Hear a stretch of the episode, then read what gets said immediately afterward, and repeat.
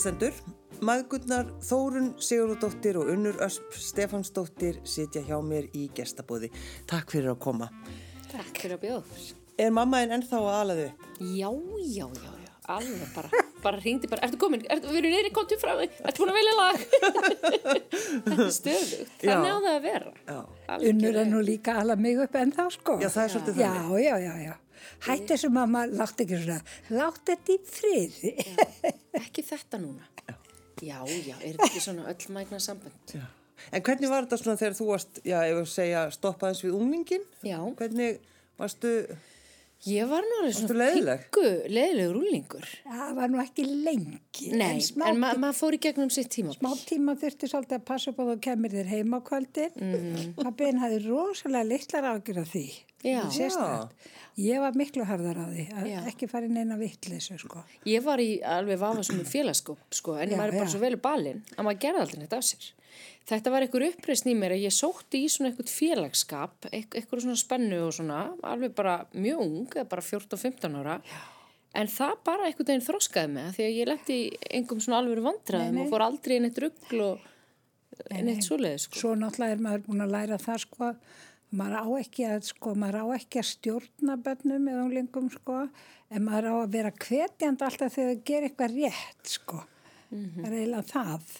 Að vera vakandi fyrir því, þú veist, að, að hvetja og hrósa þegar, þegar þau gerir eitthvað rétt og standa sig, en ekki vera mikið að skammast yfir einhverju sem að Þetta, þetta hljómar með. alveg eins og svona eh, meðþút mín, ég greinlega lertaði mamma sem, í leikstjórn, því þetta er svo tengt sko, uppeldi og leikstjórn. Já, já. já, það, er að setja, að ljósa punkta á, á góðu impulsuna sem leikarinn fær, En en ekki ekki, skamma fyrir Nei. það sem er lélegt Nei, sko. nei. Þannig byggir upp sjálfströst og sjálfsmynd og þá blómstrallir. Það er alveg eins já, en það er líka sko, það er bara eins og leikstjóri sko sem er alltaf að gefa nótur, sem Já. er alltaf að Reyna að segja. stýra sko. Sko, það verður þannig að hver einasta nóta býr sem að lagar einn hlut, hún eðilegur þrjá.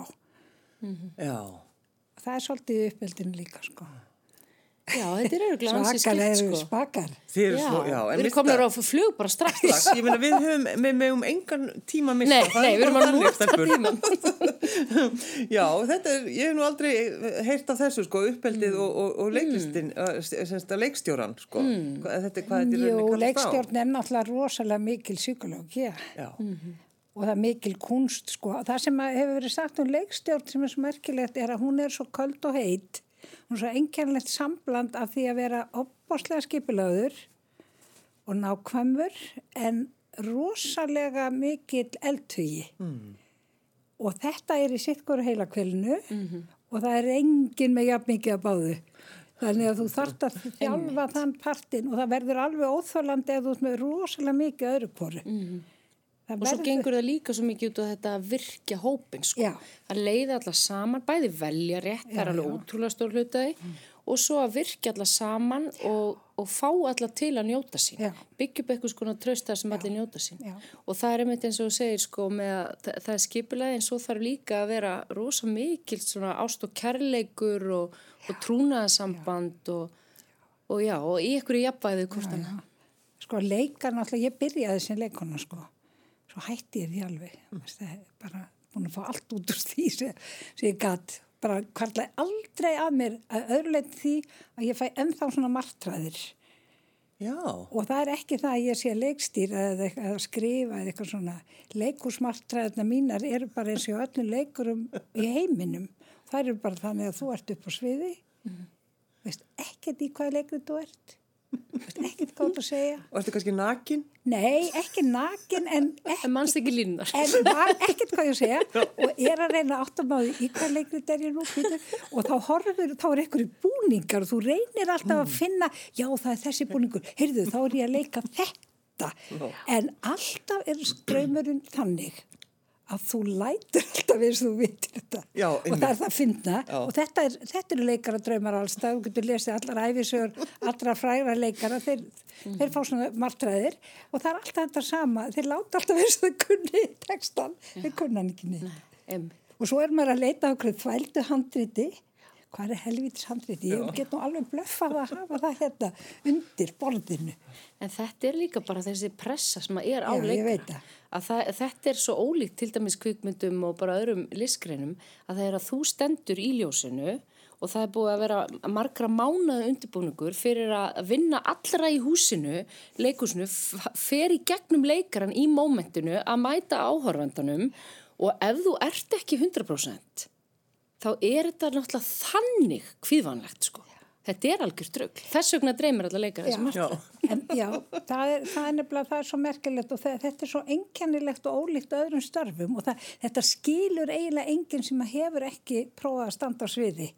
Og af því að sko tímamælingin, þess að verða eigðast leikara og mikið, þeir verða stressaður og kvíðnir og allt þetta, af því að sko tíma hérna faktorinn, það, að það koncentrerast alltaf eitthvað augnablík og það er ekkert að taka það aftur. Það er bara núna, það er auðvitað sjarmin í þessu líka, en það er, það er hryllingurinn sko. Það er þetta að allt geti gest. Já. En það er hættan sem að líka áhörandin er að sæki. Já, já. Þess vegna er leikusið ekki dögt. Þótt svo við séum með Netflix og streymisveiturnar og alla þessa rosalegu samkeppni og það eru þetta auðveldara fyrir unga fólki í dag að bara opna síman sin og horfa ógæslega velgerða serju en að fara að kaupa sér miða í borgarleiku svona sögurskall, eða skilji, en samt kaupa þau miðan. Það. er út af þessu, þessari magík, sko, þessari hættu. Það er náttúrulega bara e- eitthvað sem gerist alltaf þegar að tjaldið dreigir frá, bara mm. segi ég sem Já, bara já, áhörandi, að þá fær maður með sér alltaf smá í magan. Já, því að, já. Það er bara, þú veist, hvað, hvað, hvað er þið að fara að er gera? eitthvað, já, það er það. Þess vegna er líka ákveðin hætta sem þarf að vera. Er, þú mátt aldrei vera örugur, þú mátt heldur aldrei vera ofskipulaður. Það drefur alla, sko. Það er líka svona eins og þetta er verið að segja, ein, ein nóta verður af þremur göllum, sko. Já. Þú veist, ert ofskipulaður, getur aldrei breytt neinu, getur aldrei verið fleksibúl og aldrei tekið tillit til annara. Er náttúrulega, sko, deyja allir, þá eru allir að drepast úr leiðindum. Ma, maður fattar þetta nú bara með reynslu sko að þú veist fyrst þegar maður er að byrja leikstýra þá, þá, þá vil maður helst vita allt á fyrsta degi. Og geta svara öllum spurningum og bara hvernig sýningin á að líti út. Svo með hérna reynslu þá lærir að þetta er náttúrulega ekki kreatív vinna. Og, og mér finnst ég svona aðeins vera nálgast það að vera búin að að læra það að þetta gengur einmitt út á það að virkja alla listamenn að því að svo rosalega kreatív orka og mikil snilligáfa í leikúsinu á öllum sviðum.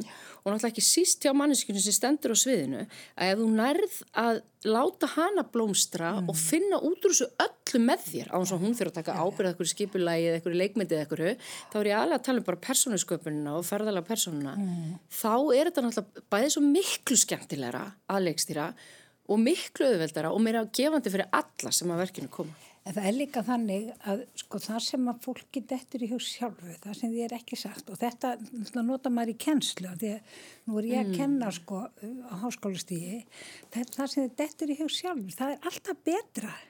Það er alltaf betra en það sem þið eru sagt. Jú, þú skal gera þetta. Ég myndi ekki taka þessa hugmynd, ég myndi taka þessa hugmynd. Sko það, það er aldrei einn skemmtilegt að hafa ekki einhvern veginn kviknað sjálfur, sko. Hvernig er það, unnur, sko, var ekkert annað sem kom til greina heldur en að fara í leiklistina?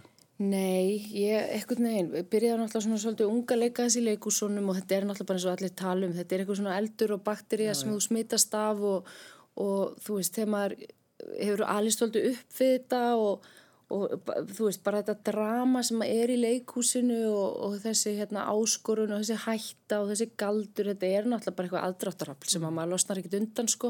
Þú reyndi nú að komast undan því um tíma. Já, það er held ég mjög þekkt fyrir böts, svona leikaraböts sem hafa leikið mikið. Hva, hvað gerður þú þá? Nei, þá það voru hérna úlingsárin sem fór í smá uppreist, það voru alltaf erfiður úlíkur og hjekka á billanum, sko. bara býðum maður eftir að hún komi aftur heim Treystu mér og það, það er líka með uppeldið og leikstöðina. Þetta snýst alltaf allt um tröst. En varst þú ánað, varst þú ánað með það að hún, hún tók þessa fara í leiklistina? Sko, Eða reyndirðu að stoppa hana? um, Ég reyndi nú náttúrulega ekkert að stoppa hana og við, maður náttúrulega bara stiður börnin í því sem þau vilja en ég svo sem uh, ég al, öruglega alveg geta hugsa mér um að fara í eitthvað allt annað sko og Baldur náttúrulega sonu minn sem er eldri, fimm árum eldri en hún, hann byrjar í sko músik og er alveg á kafi í því þangað til að hann fer svo í framhanslaf og er svo komin í hérna, landsbankan og svo í kvikubanka og allt það og ég meina þetta fer náttúrulega bara þangað sem það vil fara sko. Mhm. Ég veit ekki, veist, ég hef aldrei velti fyrir mér einsinni hvort ég hef viljað að hún unnur er eitthvað annað. Ég Nei, og ég hef aldrei upplifað sko hvorki að þessi að letja eða hvetja, þegar þú veist, þeir eru bara hvetja það sem ég langar að gera, Já, en alls ekki er eitthvað að íta mér út í Nei. þetta, bara alls ekki, Nei, ég ekki. en aldrei að draga úr því heldur. En ekki sko heldur að þvælast allt og mikið inn í það sko, mér finnst sko, mér finnst eh, ekkert endilega sko fjölskyldur að vera allar í klessu sko í leikursinu, mér finnst það svona betra hérna, ég hvart unni mjög mikið til þess, við erum ekki allt og mikið í sko. Ég man alveg bara, við, þú veist, þegar við vorum að byrja og ég er náttúrulega búin að vera með samanum í 25 ára eða eitthvað, það, það var alveg mjög stert einmitt manni að við ætluðum aldrei að fara saman í viðtal. Við heldum það út í eitthvað fimm ára eða eitthvað, sko, sem gerum við ekki annað Já, en að fara já. í eitthvað heldsjóna viðtal. Já, já, alltaf, já, við erum mjög hamsum. Já, já, en þetta er svo góðu punktur og þú veist, Gíó talaði líka um þetta Guðjón Pettersson að kendi Já. mér í leiklistaskólanum Já. að bara ekki fara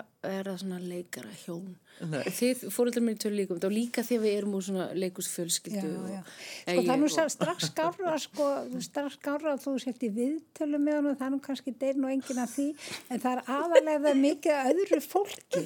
Sko þetta er ekki, sko vandamálið er og maður, fólki lengi að fatta það að sko allar stjórnsýslureglur og allt þetta. Þetta er ekki sett sko fyrir okkur, þetta er sett fyrir hinnar sem að eru ekkert tengdir neinum. Já. Og En var það sko þú veist, þegar, já, það er svo mikilvægt sko. Þegar þú ferði inn í leiklistina er þá sagt, já, unnur, já, já, hún á eftir að fá bara öll hlutverka því að það er þetta og þetta og hún kemur frá Já. þessu, hú veist, Já, ég man nefnilega mjög vel til þessu, þetta er svolítið góð saga að ég komst fyrst ekki inn í leiklistaskólan, fór í sextamanna hópin og þá kvíslega allir og tóku utan um og segja, elsku unni mín, þetta er nú bara út af einhverja mann og þú veist, þetta er bara svo flóki fyrir þig. Já. Og svo komst ég inn árið setna og sama fólk kvíslar á baku mig, þetta er nú bara út af einhverja mann og hún er. Þannig að ég átti aldrei breyk, sko. Þú veist, ég var alltaf dæm, dæmd á þeim forsöndum. Og það var ógislega erfitt fyrir mig framan á og ég var mjög komplísur yfir, alveg mjög. Já, og, og alveg lengi. Já, alveg í mörg ár þá bara stegi ég til dæmis ekkert inn í þjóðlíkúsi og var með svona einhver prinsip bara út af einn komplexum sko.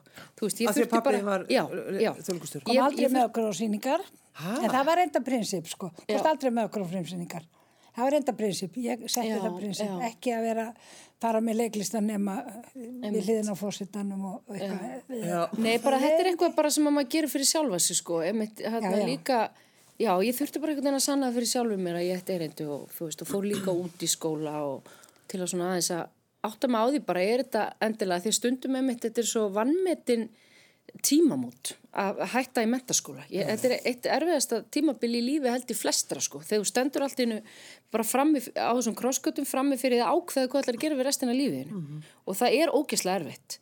Og þarna vissi ég veginn hvað mér langaði að gera en það var samt svolítið flókin leið. En það eru auðvitað bara þroskandi og hefur einhvern veginn gefið mér mjög mikið en svo er auðvitað er fólk misjant sumum hendar þetta ágætlega og sumum er alveg sama Um Þú bara hvað já, er að gera? Já, nei, ég bara, þú veist, hvað þeir eru og hver er í kringum það og hvernig og það, þú veist, þeir geta bara einhvern veginn þurkað allar svona hluti út en aðri geta það ekki, sko fólk verður bara alltaf að segja á því hvað hendar þér, Já. sko þú veist. Into my arms, þú vildi fá það lag, unnur. Mm. Já, bara æ, þetta er bara einhvern veginn, þú veist, á svona rosalega stóran sessi hjarta mínu, bara svona te- tenging við bara stundir og tilfinningar og fjölskylduna og svona minn spilaði þetta á gítar þegar maður sex ára og ég elska þetta lag. Og ég elska Nick Cave og ég fengi að hérna bæði hitta hann og verið í sýningum með músíku eftir hann og er mega aðdáðandi, mest hann algjör snillingur.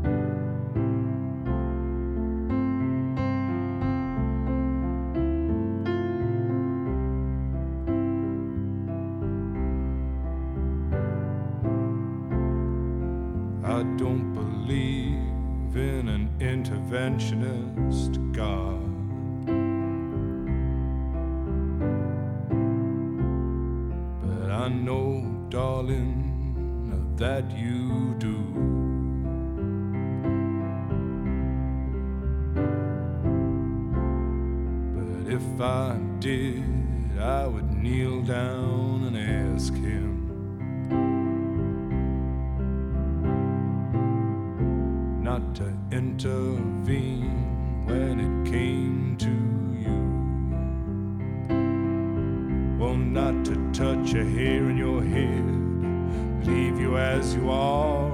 If he felt he had to direct you, then direct you into my arms.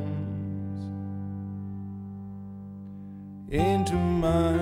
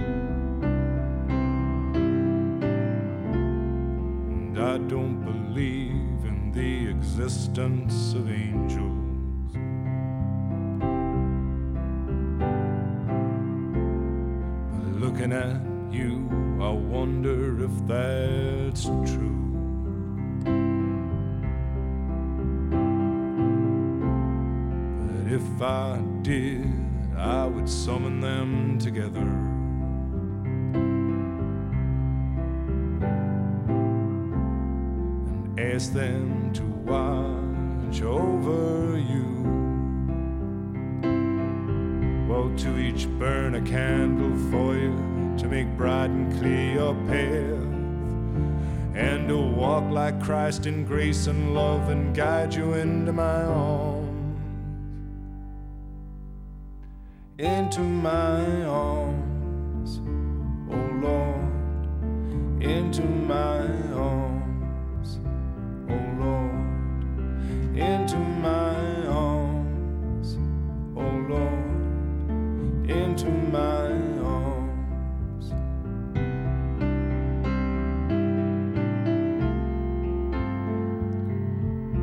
I believe in love.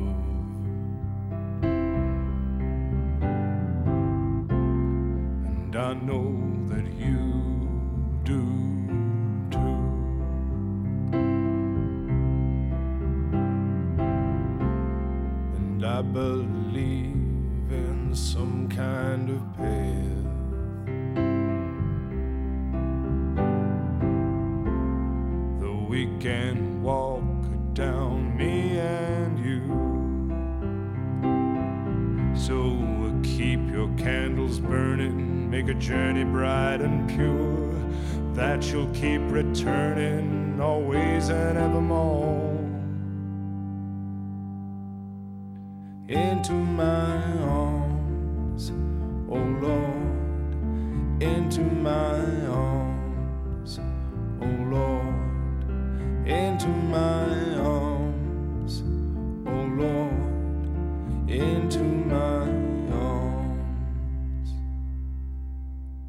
Hjá mér sitja Þórun Sigurðardóttir og Unnur Ösp Stefánsdóttir. Eh, Sko hittist þið á hverjum degi? Hvernig er það? Nei, við heyrum snú hverjum Já, degi. ég held að, Já. að mestu. Við hefum, eh, þú veist, auki rosa sambandið. Mér þykir mjög vænt um það. Ég er alltaf eignaðist þarna einhver 17 börn, það var ekki alveg planið og þá þurfti ég svolítið mikið á henni að halda sko. En, en það var hérna alveg, mér þykir alveg útrúlega vænt um það hvað einhvern veginn börnin hafa aukið samskiptin mjög Hún er alltaf verið í góðu sambandi. Já, já. Svona samskiptin eru mjög mikið lítið. Já, já, þau eru mikil. Og við erum auðvitað komin, sko, þó að ég sé ekki tætt að vinna, þá erum við, það er auðvitað miklu minna að gera hjá okkur og maður getur sint þessu betur, sko, og svona. Þetta eru ár sem kom ekkit aftur, sko. Nei. Þannig að það er mikilvægt að, að hérna, nýta því. En við höfum, sko, þú veist, mamma var náttúrulega svona daldi mikið og, og hérna, þetta er svona tradisjón. Ég tek eftir því maður tekur upp alveg síðu mömmu sinna, sko. Mm -hmm. tekur svo upp mína, sko. Það verður svona svolítið. Mamma talaði mjög oft við í síma og, og mér finnst enda, ennþá sko, það er nú nokkur ár síðan hún dó, ég þar stundum, ég er bara komið síman allar hingi hana sko, fá, fá skoðun á einhverju sko. Þetta er svona sko. Mhm. Eru þið það tengdar að þið þurfið ekkit endilega svona útskýra ykkar líðan? Við höfum bara svo gaman að því að tala og getum bara, þetta er mjög löng símtöl sko. og bara svona krísur og svona, þú veist, þetta er bara eins og mjög bara Elska, ég elska góða krísu. Ó, fara, við sökkum okkur honni í dramað og skoðum frá öllum hliðum. Við elskum þetta sko. En svo er það náttúrulega, við gerum þetta náttúrulega líka þegar, þegar við, við erum að ferðast öll fjölskyldan og allt það og þegar við hittumst öll og Baldur og Tótakonan hans og krakkarnir og Bjössi og allir. Og við erum öll náttúrulega með sitt hvora skoðunum og öllum málum, sko. við Já, já, Mér finnst það mjög heilbrigt. Já, við rífumst heilmikið. ég Já, við- að Bjössi kom fyrsta skipti í mati mín þá fekk hann ákveða áfall en var algjörlega hugfangin af því, af svona, það voru svona eldheit samskipti. Og, og, og hún fannst þetta svo heitlandi að hann bara, þú veist Ég, ég er ekki frá því að þið hafi haft mikil áhrif á, á það að hann hafi valið mig sko. En svo var það alveg gagkvæmt. Ma, maður vill alltaf það sem maður hefur ekki sko. Jú, jú. Svo fór ég á hans heimili svo svona stóist og bara svona settlera. Já, allir töluð með innröndinu. Já, já, allir töluðum innröndinu og svona ekkert sterkar skoðinu og mikið talað um ferðalög og, og ég hugsaði bara, vá, Svona þetta er er magnað og þú veist, hann að mér lákaði það og hann lákaði hitt og svo er þetta allt gott í bland sko. Og allir okkar fjölskylda sé ekki bland þið alvöru? Þú veist, er þetta bara, verðið brjálu út í nei, hvort nei, aðra? nei, við fyrir ekki fílu nei, nei, nei, aldrei, en við, tökumst á við tökumst á, við klárum það svona, þú veist, við klárum það bara. já, Nei, við sittum nei. ekki á skoðunum okkar, það er nokkuð ljóst Nei, nei. og þetta, eins og ég segi, þetta áviðum kallmennin í ættin líka, sko. Mm. Og það er tekin, við erum, sko, ég var um þetta að hugsa það, sko, þegar við hefum verið öll fjölskyldan saman, sko, við hefum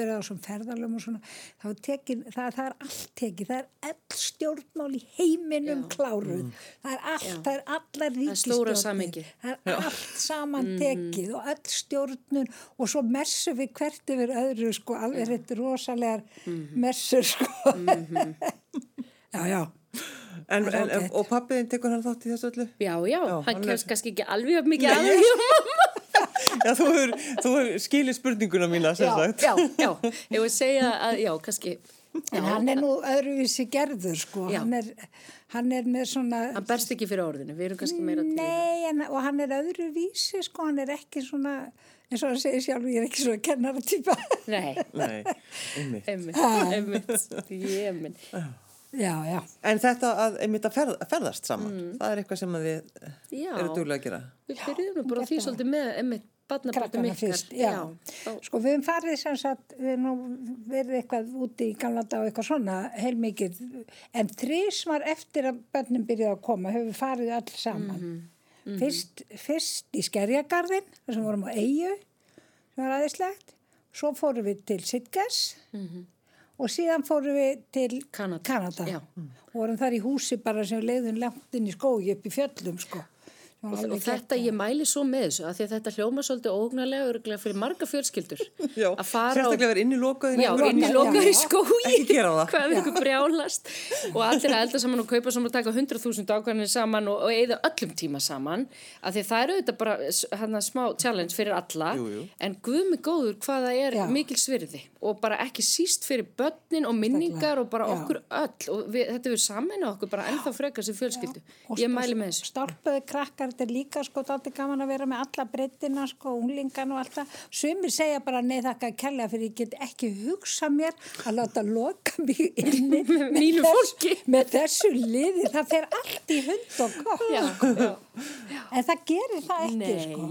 Þetta er, hefur eh, svona sammenningar tákn, algjört. Og svo er svona þarf að vera ákveði skipilagi, þú sem skiptist á að elda, það er engin eitt sem er að þræla sko, það er allir að taka þátt og skipta með sér, Já. allir svolítið að njóta sín, fara út á bát og róa og fara og synda og eitthvað svona. En, en hvor er stjórnsamari? Mér finnst það einfalt svar en þú er að svara mamma. Hvað ég veit Mamma er svo mikil kennari sko Já. og leikstjóri. Já, ok. Er það ekki? Frábært svar. Já. Þannig að það er þú. Já, ég sem ferðarlegum kannski, ég myndi nú ekki segja sko, ég, ég hérna, það, menn þekkja nú Stefán Baldursson ekki mikið, eða þeir halda að hann láti stjórna svo mikið. Nei, einmitt. Ekki að ræða það. Alltaf, alltaf, þegar ég stingur på ykkur, þá, he- þá hefur hann alveg svona, hann segir, nei, nei, nei, nei, nei, nei. Svo kemur hann fram og segir, hvort bindi þá, ég hafa þetta græna og rauða. Já, Þá segi ég alltaf það sem hann á ekki að hafa. Þegar ef ég segi út að hafa rauðabindis, já, þá tek ég græna. Það, þú, þú heyrir þetta mjög heilbrið samskipt. mjög heilbrið samskipt.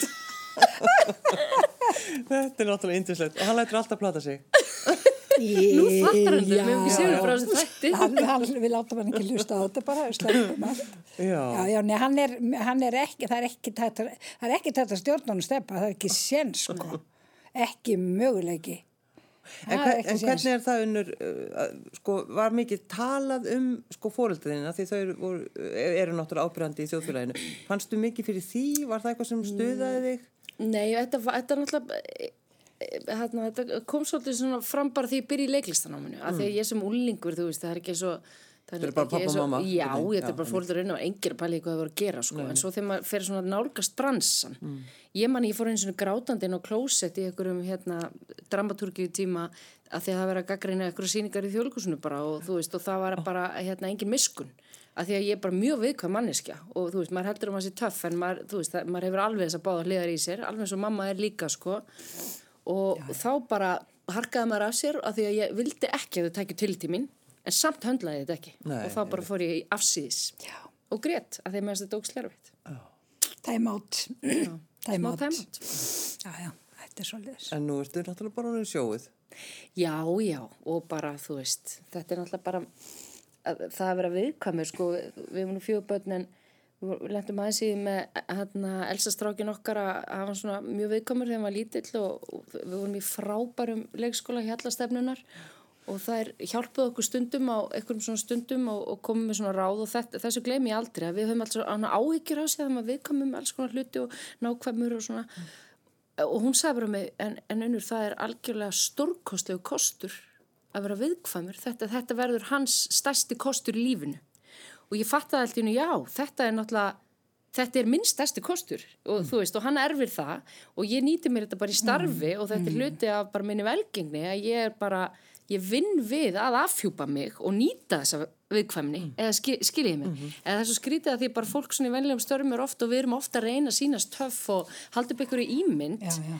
En, en þetta getur leitt fólk á á hérna alveg ótrústu staði, ég man til þess að Ragnar Kjartansson hérna myndlistamæður og, og Séni við vorum æskuvinnir og hann var svo viðkvæmt bann, þú veist, ég hugsaði bara guð mig góður, þetta verður nú erfitt fyrir hann. Nei, ég meina halló, ef við hafa miklu ágjör á honum í dag Nei. nei, nei. En, en gerir þú þig grein fyrir því að gerðir þú strax að hún væri, hún unnur væri viðkvæm? Já, já, algjörlega, algjörlega, sko. En e, hún, var, sko, hún var svona rólegt barn en hún var rosalega ólík Baldri. Baldur var sko rosalega töffari. Hann verið 12 ára þegar hann fór nýra á alþingi og setti sér framann skrifstóru þegar hann sagði ég þarf að fá vinnu hérna. Sko þetta hefði unnur aldrei gert. Unnur, og Baldri var eiginlega alveg sama hvort það var heima hjá okkur eða svaf hjá einhverju vinnu sínum. eitthvað. Unnur vildi aldrei fara neitt. vildi aldrei gista hann einstað Nei, nei, bara heima. þetta var alveg svolítið sjúglegt sko. bara heima, bara heima Bara en svo, pabba og mömmu. en svo Þegar þeirra Já. sem eru algjörlega svo kýtt og svart þá sér maður bara, fólk er bara svo rosalega misjæmt sko þannig blegnast tvíbura eins og atferðlis rannsókn sko. Af því að þeir eru bara með nákvæmlega sama eh, þarna uppeldi eða mæta okkur á samastæði lífinu er alveg já. eins og sískinni en þeir eru bara svona ólíki karakter það er ótrúlega áhugavert að pæla í þessu Þeir eru ólíkir en þeir eru samt eru jafn duglegir að, að brjóta hluti. já, Já. þeir eru báður mjög aktífir sérstaklega ítala sko, sérstaklega ítala nei, nei, bara eins og með öll börn þetta bara verður í öðru veldu þetta ert með tvíbura sko. að það er mikið, mikið sópað og málað yfir krót og veggjum og svona mínu heimilu undanferðin 2-3 ár sko. Var þetta alveg sko, var þetta vist áfall þegar þið gerði, gerði grein fyrir því að þú ætti Alg- týpurum? algjörlega, algjörlega Algjört sjokk. já, algjört sjokk sko algjört sjokk. Það var nú planað að eignast þriðja Já. en við vorum alls ekki viss við hugsaum, já, er þetta ekki fínt, bara tvö aðeinslegt og allir orðnir svona aðeins komnir af blei og svona Manstu þegar hún ringdi þig og saði þetta? Eða leti, leti ykkur já, vita? já, ég mændi því en sko hún, þau komu með sónar myndina Já. þau sögðu okkur aldrei að vera Við sögðum tvíburar. svo við- erum við búin að sitja lengi og ég sagði, heyrðu, þetta eru tvíburar Við vorum sko með nokkrar myndir og það var alltaf bara öðrum, öðrum öðrum og svo var síðasta myndin af þeim báðum. Já. Hún var frekar skýr. Já. Svona voru vanstykkir við báðum um að skoða myndina vel. ég var búin að fatta það sko löngu áður og saðir og svo fegst þú bara hlátuskast Já. Það var því hún var móðsjúk. Ég manna, ég manna sko, mamma bara táraðist og tindamamma fjall bara, gott hún fjall, hún fjall nú í sófan en ekki gólfið, en það var svo gaman að segja fólki frá tvíbrónum að þetta voru svo brjálaðislega ykt viðbröð. Við erum auðvitað í leikhúsinu, Jú, það var enginn sem sagði, já til hafmyggju, fólk annarkvæmt öskraði, grét, datt í gólfið eða það klátuskast, eða hljóp út, þetta var, þetta var bara, þetta var svo ótrúlega gaman, að því að fólk vissi líka, þú veist, að við værim Já, að segja fólki þessar fréttir. þetta er- En við þurftum aðeins að fá að taka þetta inn. Þetta er rosalegt. Uh, Þórun, lag, það var, Já, um, Goran Bregovic. já, ég, mér langar að enda, ég að enda Já, þáttinn ok. á honum. Það er að taka Cohen. Cohen. Cohen, sko, Já. minn maður. Já, Rosalega mikið uppáhald, sko. Alveg svaklega. Þegar við fórum til Kanada, þá fórum við, þá vorum við byggum við rétt hjá þar sem að hann var grafinn. Reyndar er hann grafinn þannig að það er ekki, sko, það er ekki, ekki gert ráð fyrir að fólk sé að fara þangað en hann bjóða hann alveg rétti og ég hef alveg dýrka Cohen frá uppæðu vega. Og hann, það tengist líka, ég var á Spáni, sko, sem gæti í gamla daga og, og svona opbáslega mikið lorka aðdáðandi og sett upp mörgverka lorka. Og þeir tengja svo mikið sko, Cohen er svo tengdur lorka og svo hrifin á honum og hann kveikti í, í hans svona skaldagáfu sko, þannig að þetta, hann er alveg rosalega mikið uppáhald Og ekki óskildur Nick Cave. ekki alveg óskildur, nei nei sko. já já, við erum svona, við erum svona léttur Cohen sjúklingur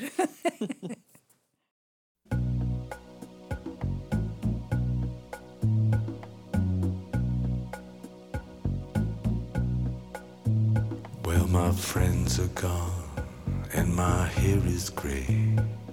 I ache in the places where I used to play. And I'm crazy for love, but I'm not coming on.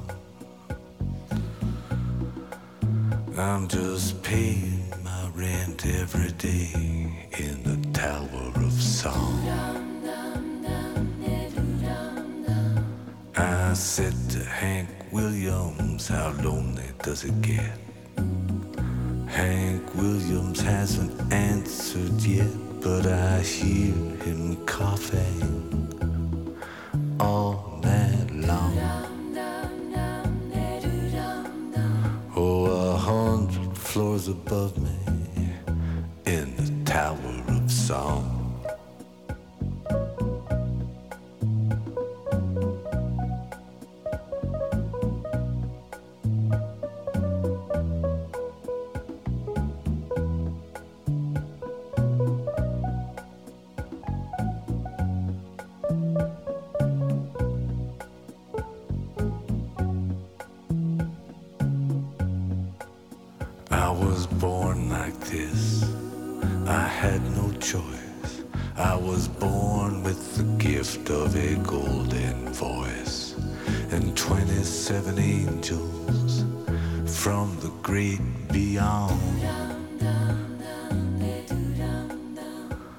They tied me to this table right here in the Tower of Song.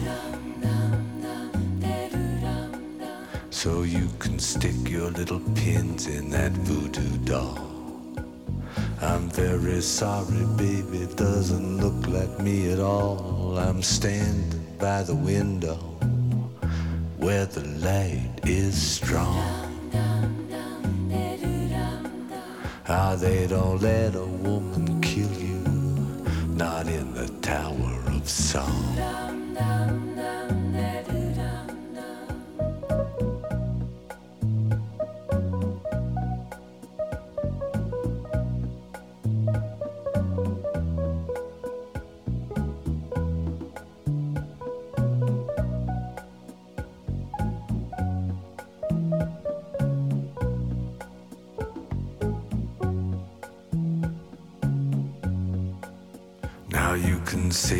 Grown bitter, but of this you may be sure.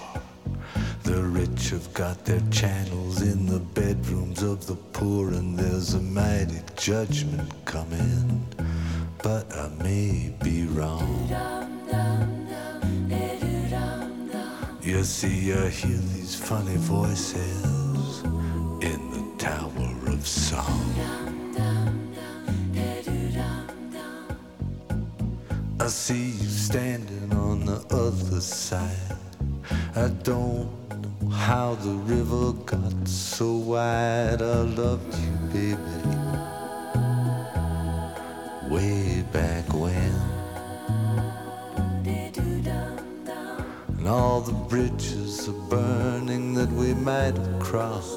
But I feel so close to everything that we lost. We'll never, we'll never have to lose it again. Now I bid you farewell. I don't know when I'll be back.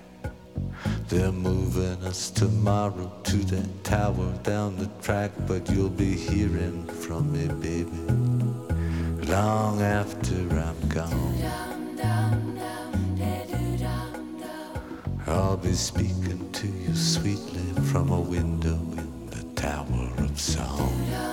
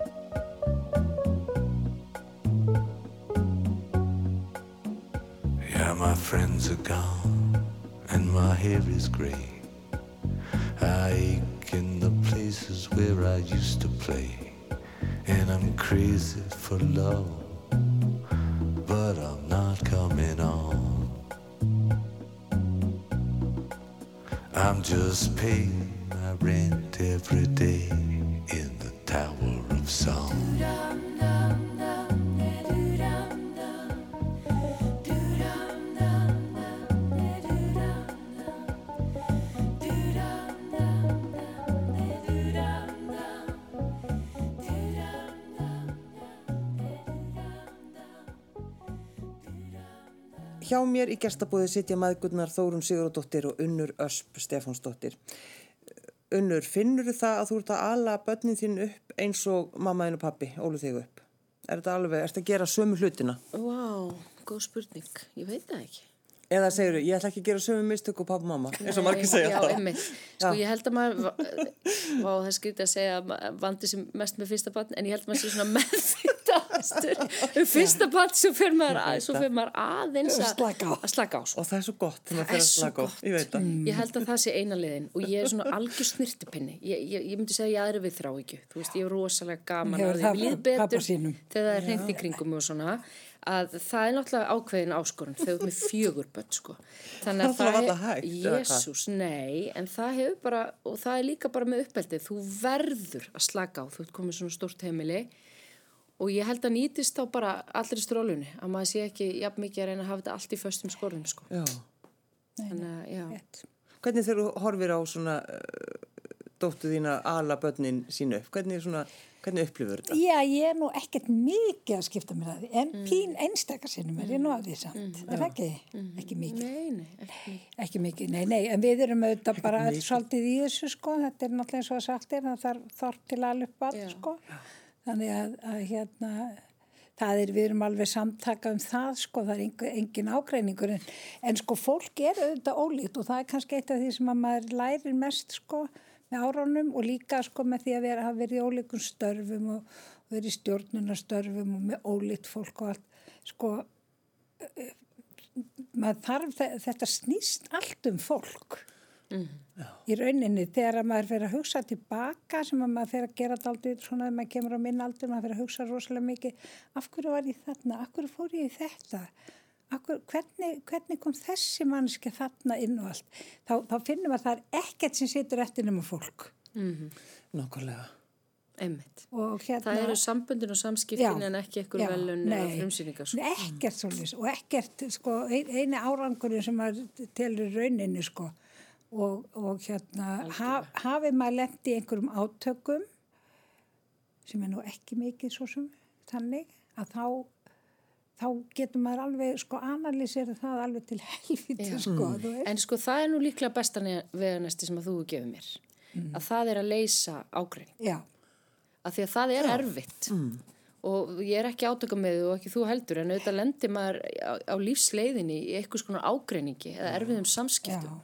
Og það er ógislega erfitt að stíga inn í það af heiðileika en þetta bara er ráð sem að þú gafst mér. Og maður lendur oft bara í einhverju kemistri við fólk sem er erfið að bara mæta því og tala um það og vera heiðaleg manniska þótt að sé erfitt og þótt maður sé að segja að maður sé fyrir vombröð með einhverju mannisku eða eitthvað. Og þetta hefur alltaf verið þess virði eins og þú veist eins og svona er erfitt og sem betur fyrir að við lendum örsjaldan í því. Og mann man langar að láta það slæta en maður á að fara inn í það maður á að fara inn í það Það er be- best að vera nokkur neginn eins að framann og aftur. hún er ekki alveg hlust Takk fyrir þetta. Já, einmitt að sko leysa ágreiningin uh, og þú sem, sko eins og þú segir sjálf viðkvæm og allt þetta. Þannig að þú kannski einhvern veginn þurft að, að, að læra að gera þetta eða? Já, já, e, e, líka bara, þú veist, maður er einhvern veginn töff en samt er maður mjög meðvirkur og maður vil bara allir líði vel og þú veist, ég hef enga svona, eitthvað kompleksa fyrir því að hafa völdi að ráði við fólki eða ekkert svoleiðis, ég vil bara fólki líði vel. Já.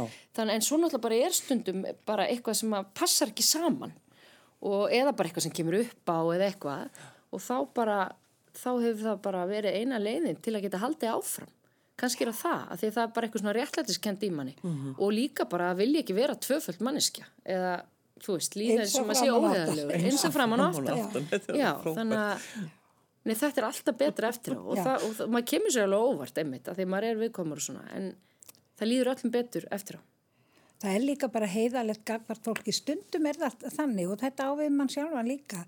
Að sko þá þarf bara að benda mann á eitthvað. Já. Bara benda mann, heyrðu. Já. Ég myndi ekki sko pælta aðeins í þessu. Þetta er, er mm -hmm. vissum að það sé rétt að gera þetta svona. Já. já, já, aðeins að hugsa, na, kannski verður þetta bara algjör miskilingur, sko. En svona þrjóskan, er, er, er, er þú þrjósk? ég er ekki þrjósk, nei, ég held ekki ég hef ekki Nei, þú nei, ert nei. ekki þjóka á því. Það er anskot Nei, ég held að maður sé sko. bara svona frekar sveigjanlegur en ég er alveg, þú veist, fylgin mér og, og svona upp á einhverju marki, sko. Já, já. En ég hef rosalega sterkar réttlætskend og hún hefur alveg bara næstuð fælst fyrir mér, sko. Já, einmitt. En ég er alveg stolt af því, en þú veist, ég finn það bara í líkamannum eða það er brotið á einhverju fólki eða eitthvað svoleiðis. Þetta er bara eitthvað meðfætt eins og þú segir mamma, þú veist, fólk er svo ólíkt. Hvernig við á í hluti og sumir bara pæla ekki svona mikið og bara, akkur er þetta að pæla svona mikið í þessu?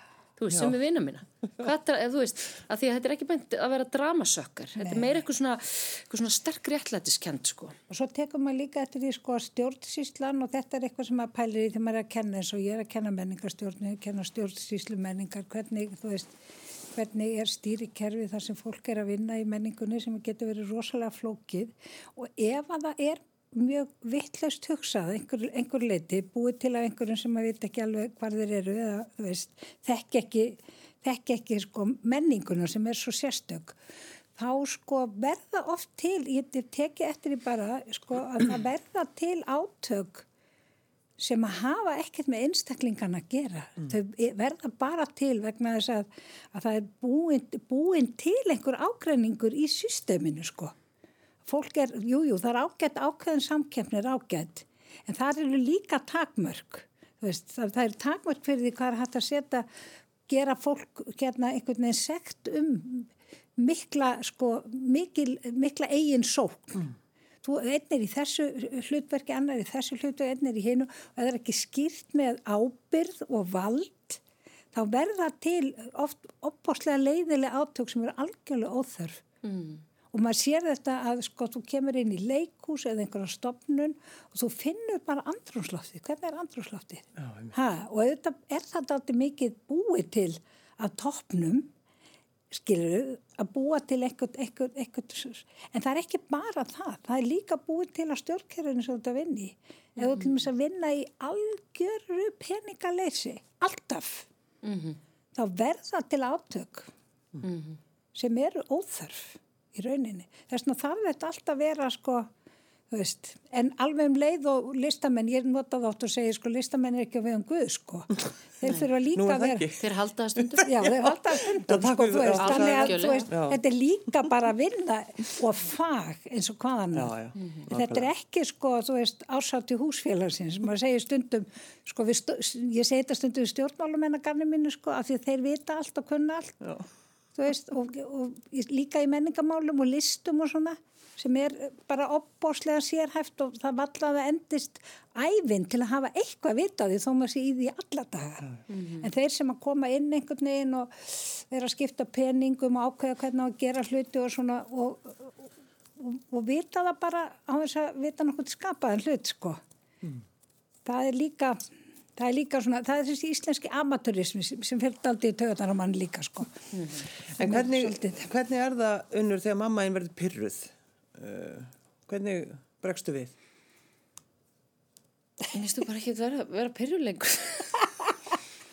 ég upplifa bara ekki, nei, við eigum nú bara frekar gott Já, skap já, saman. við Þetta, bara- þetta var náttúrulega bara eins og í öllum svona samböndum, þú veist, eitthvað tímabil sem að gekk í gegnum. Ég var á mótróð sem úlingur og Og, og þú örgla okkur breytingar, ég marg eftir einhvern svona tímabili sem við gáttum farið í þýli og verið eitthvað svona, þú veist, eitthvað hormona átök Það var nú ekki lengi. en það hefur ekki verið mörg Nei, nei, nei, nei. Við getum alltaf líka, ég, ég meina, það var hún sem kendi mér að, að hérna, leysa ágreining, sko. Jú, lá- Þannig að leysa þú veist að ágreining. hún lifir alveg eftir því, sko. Já. Jú, jú, en við, við, þó- að við fórum, jú, jú, við tókumst einstakar sinnum á og svona, en við, við leistum það alltaf, að ég bara hef þetta prinsip bara, ekki sitja inni með hluti, bara freka að tala um það, sko. Af því þá- er yfirleitt ekkert mál að leysa það, sko. Nei, samtal svo- leysir allt. Það er nú bara það. alveg ótrúlega mikið, sko, mm gerir það. En svo þarf maður líka að kunna, sko, að hætta. Þú ert ekki að vera að analýsera út til helvíti, sko. Nei, einmitt. Þú bara hættir á einhverju punkti, null búið. Búið. Og það er líka að taka aldrei með þér sko leiðindin. Líka í störfum og svona, þú lendir náttúrulega, þú veist, maður lærir það líka aldrei nokkuð tíman að muna það ef einhverju leiðinlegur. Bara gleyma því. Já. Skiptir engu máli, sko. Það getur stundu verið svolítið Að erfitt. því að þú annars hleður upp, þú annars ertu komið svakalegan hala sem að eh, dregur þig aftur á bak. Þú kennst ekki áfram ef þú mannst all, all leiðindi.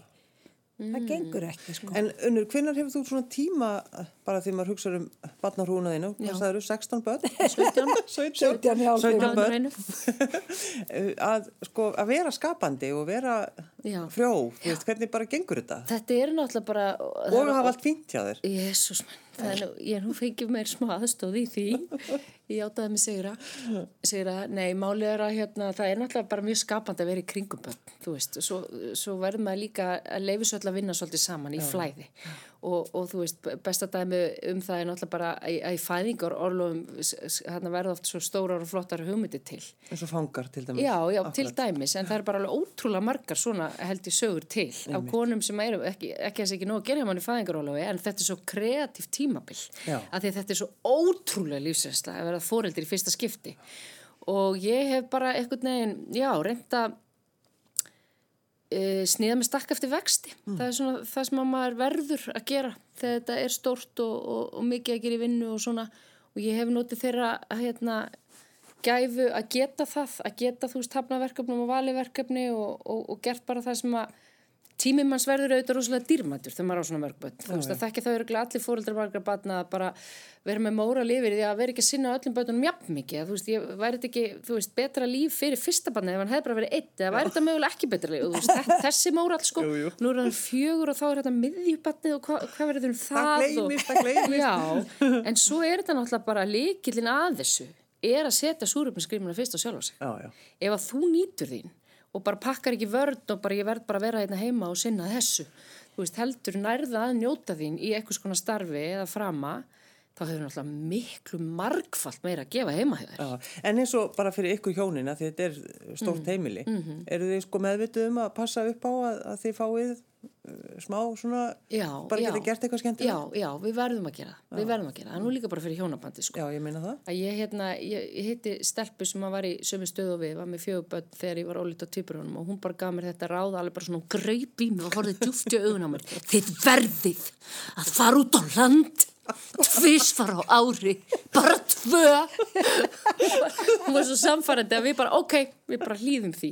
Þannig að við fyrir bæði í svona paraferðir út á land og svo hefur við reyndið að fara svona kannski einu svona ári eitthvað erlendis, bara í hérna, bara þó sé tvær nættur Ég veit það. þó það sé bara íspiltúrskili það er bara nöðsynlegt og náttúrulega fyrstu tvö ári náttúrulega bara gáttu ekki að halda upp samtali inn á heimilinu. Veist, það sem ekki áriði og fólk færa alltaf svolítið sjokk þegar kemur í heimsók til okkar og þá fattar maður að við erum orðin samdunaði bara lætin heima hjá okkur sko.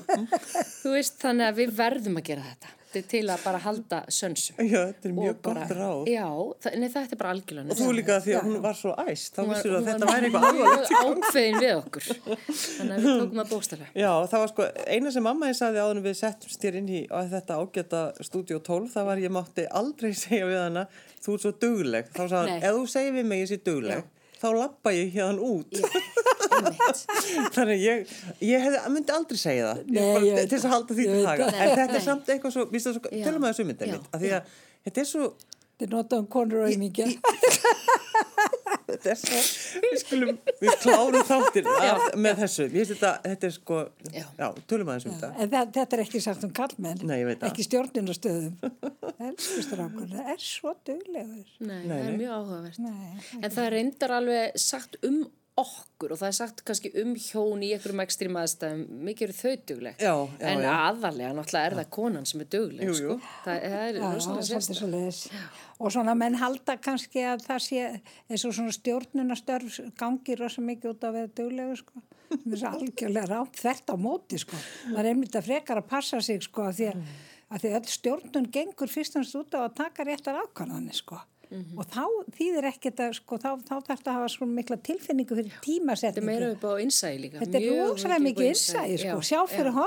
það er aðalatrið. Treysta öðru fólki. treysta öðru fólki og átta sig á því ef ég ger svona hvað því það, ef þetta verður svona hvað þú veist, sjá og hvernig er þetta að láta erfið sjónamið mætast eins og við lendum mikið í hörpu sko þurfa, þurfa að láta alveg rosalega marga sterka hópa og, og, og, og, og valdastofnanir vinna saman sko og reyna að finna hverju nægi fram hvað er hægt að gera, hvað er ekki hægt hvað verður að gera núna, annars er það bara í hundrað ár til helvíti sko Já, já. eða eitthvað sem að það er hægt að gera þetta setna, við þurfum ekki að gera þetta núna en þú veist, En það er ofta einmitt þetta, þú veist, já, þú ert svo dugleg og svo líka sagt, oh, hún er svo frek. Já, já. Er það sagt um ykkur, er þið frekar? Ég veit það ekki. ég, sko, ég heyri þetta ekkit mikið, ég heyri þetta ekkit en það er sagt að það sé sagt um konur eins og við að sé freka og það er já. sagt um mig Já. þú veist, en ég heyri það ekki til þess að ég hef unnið, ég hef ekki fengið það Nei. Nei, ég, ég verð að segja það sko að að því ég er nú mikil feministi sko að ég hef ekki samt ekki mig mikið á það að vera kona sko. Ég, ég held þetta, þetta líka svo mikið viðhorfs mann sjálf sko upp á einhverju leiti að ég er bara alveg upp við það ég sé bara, hafi alveg mikil tækifæri á bróðum minn, bara algjörlega. Já, já. og þá kem ég náttúrulega þannig fram eða þú veist, það er eitthvað upplag í manni að treysta sér í hluti. Sko ég held að fyrir, frá, frá minnum bæjartýrum þegar ég byrjaði með menningaborgina og var ekkert múin að stjórna neinu og kunni ekki neitt sko var bara treyst fyrir þessu. Sko ég hefði engan tíma að hugsa um þetta. Mm. Hva, hva, hva, hvort að fólki fyndist að ég var í konulega, ég var með, að það var allt kallar sem var að stjórna hinn menningaborgin út. Ég hefði bara aldrei tíma að hugsa um það. Var það þá sem þú varst kallið Tóta 2000? Já, þá var ég kvöldi 2000. Það var náttúrulega því að þetta var árið 2000. Þá var ég bara alveg á fullu út um alla trissur.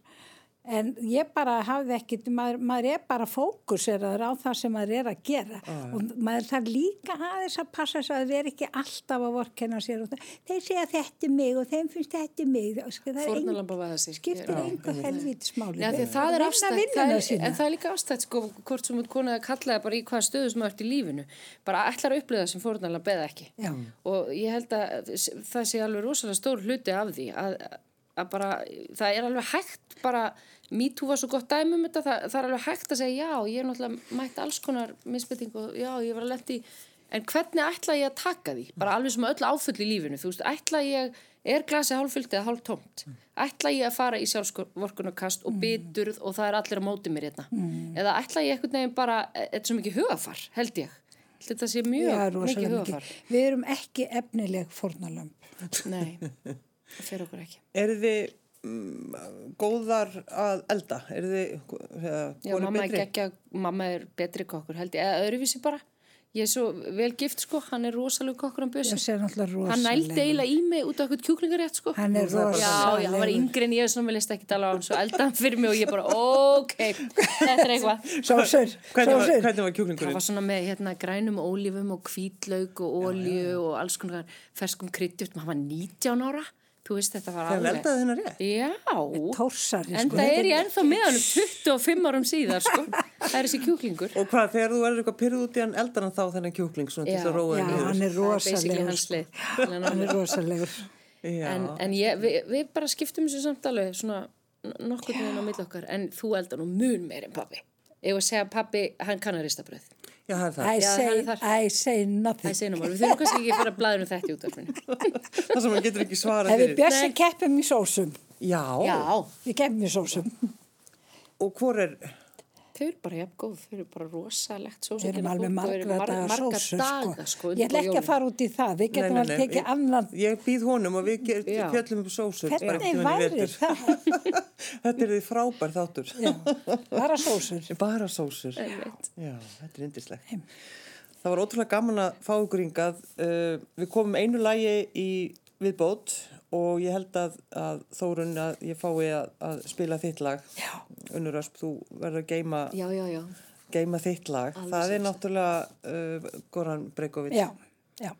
Maf, uh, Mikið uppáhald, mikið uppáhald. Þú, það varst þú sem að, Já, ég var stjórnandi listátið þegar hann kom Já. og það var, ég held að þetta var 2007, var þetta ekki þetta trillingslega ár sem allt var á listátið, rétt fyrir hrun.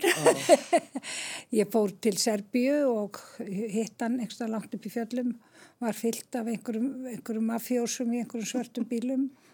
Það var alveg geggjað og hann vildi bara koma og svo kom hann með allt þetta lið og alla þessa síkun og alla þessa blásar og alla þessa kallakóra og ég bara til þetta aldrei að enda hópurinn þegar hann kom, kom út úr fljófélri, það var svo mikil mannfjöldi, það var ægilega gaman. En ég, ég hérna, þetta var sko og það var algjörlega tráðfullt í lögatarsöllinni og opbáslega mikið stuð Og þá voru allir sko, þá var sko fyrsti hópur, það var svo gaman að upplifa þetta með öllu því fólki frá þessum Frá löndum. Júgóslavíu. Já, Mm, gamlu. Júgóslavíu. Og svo aðrir sem hafa flutt inn, af því að hann er svo mikil þjóð þetta. Mm.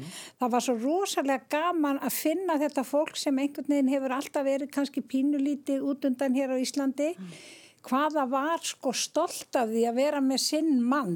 sko ég satt á við hliðin á konu, Já. veit ekki hvaðan hún var, en Nei. hún grét. Já. Hún bara grét.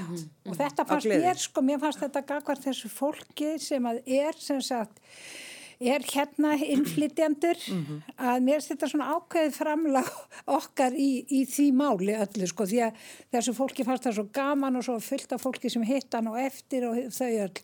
Það er eina sem var erfitt var það að þeir sem hefur komið hérna fyrst, þeir voru allir með gamla títófánan og tóku hann upp Já. og þá kom umbósmaðurinn, minn- umbósmaðurinn til mín og sagði, heyrðu, það verður að stoppa tónleikana.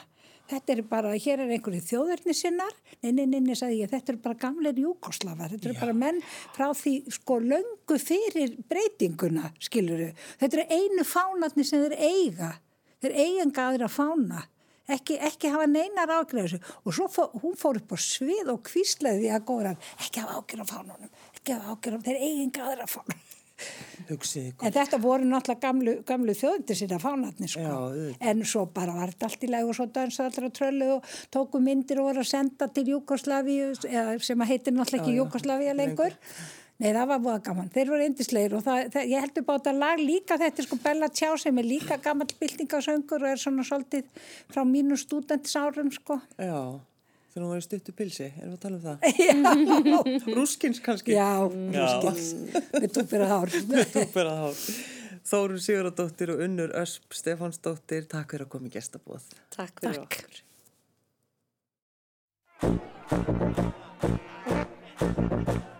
Mi